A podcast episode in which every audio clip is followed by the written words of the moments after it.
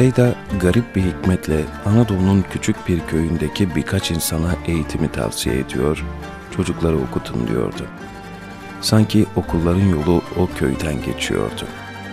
İstikbalde nur görünüyor, aydınlık görünüyor, onun için ümitli konuşuyor, geçicidir diyordu.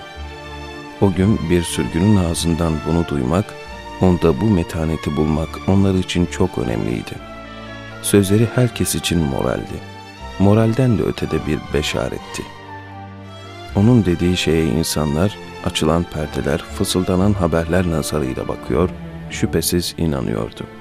İslamiyet'in önü aydınlıktır, ümitsizliğe düşmemek lazımdır diye ilave de etmişti. Demek yine hak, hak ettiği yeri alacak, en gür ve yüksek bir seda olarak İslam'ın sesi duyulacaktı.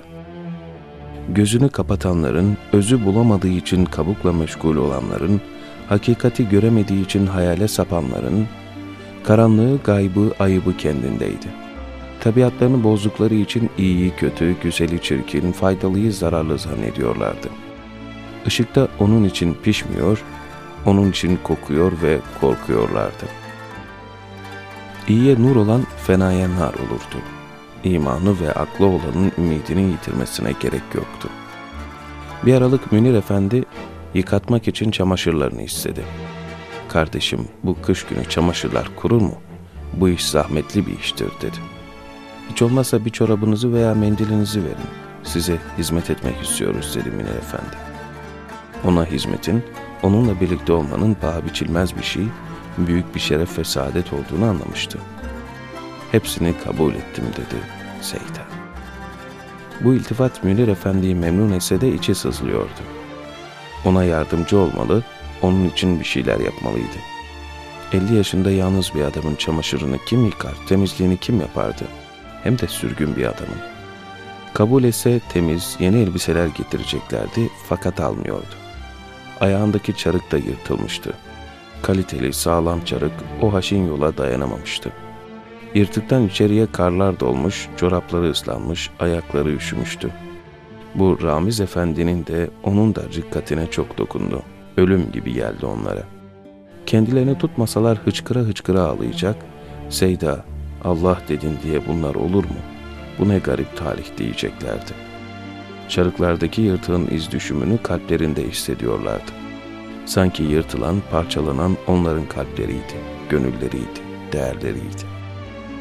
Hacı Miner'in ayağındaki ayakkabılar kıymetli ve sağlamdı onu Seyda'ya verecekti ama bunu o büyük gönlü incitmeden nasıl söylerdi? Ona nasıl çarıkların yırtık, bu halde yürünmez derdi. Utanır mıydı, üzülür müydü? Kim vardı ki o durumda ve bir ayakkabıya muhtaç olmak istesin? Hele onun çapındaki bir izzet ufku, bir pervasız yürek. Fakat yapacaktı. Sonunda ezilerek de olsa gönlünden geçeni söyledi. Seyda kabul etmedi. Hacı Münir ısrar etti. Hayır faydası yoktu. Benim param yok alamam diyordu Seyda. Para istemiyorum ki dedi Hacı Münir. Olmazdı, olmadı. Fakat Hacı Münir vazgeçmemeye baştan karar vermişti. Ben sizin çarıklarınızı giyeyim, siz de benim ayakkabılarımı giyersiniz. Kardeşim, sen namaz kılarsın, ayakların su çeker. Namazın hesabını Allah benden sorar dedi Seyda. Hacı Münir o çarığı giyecek miydi ki? Belki de başına taç yapacaktı.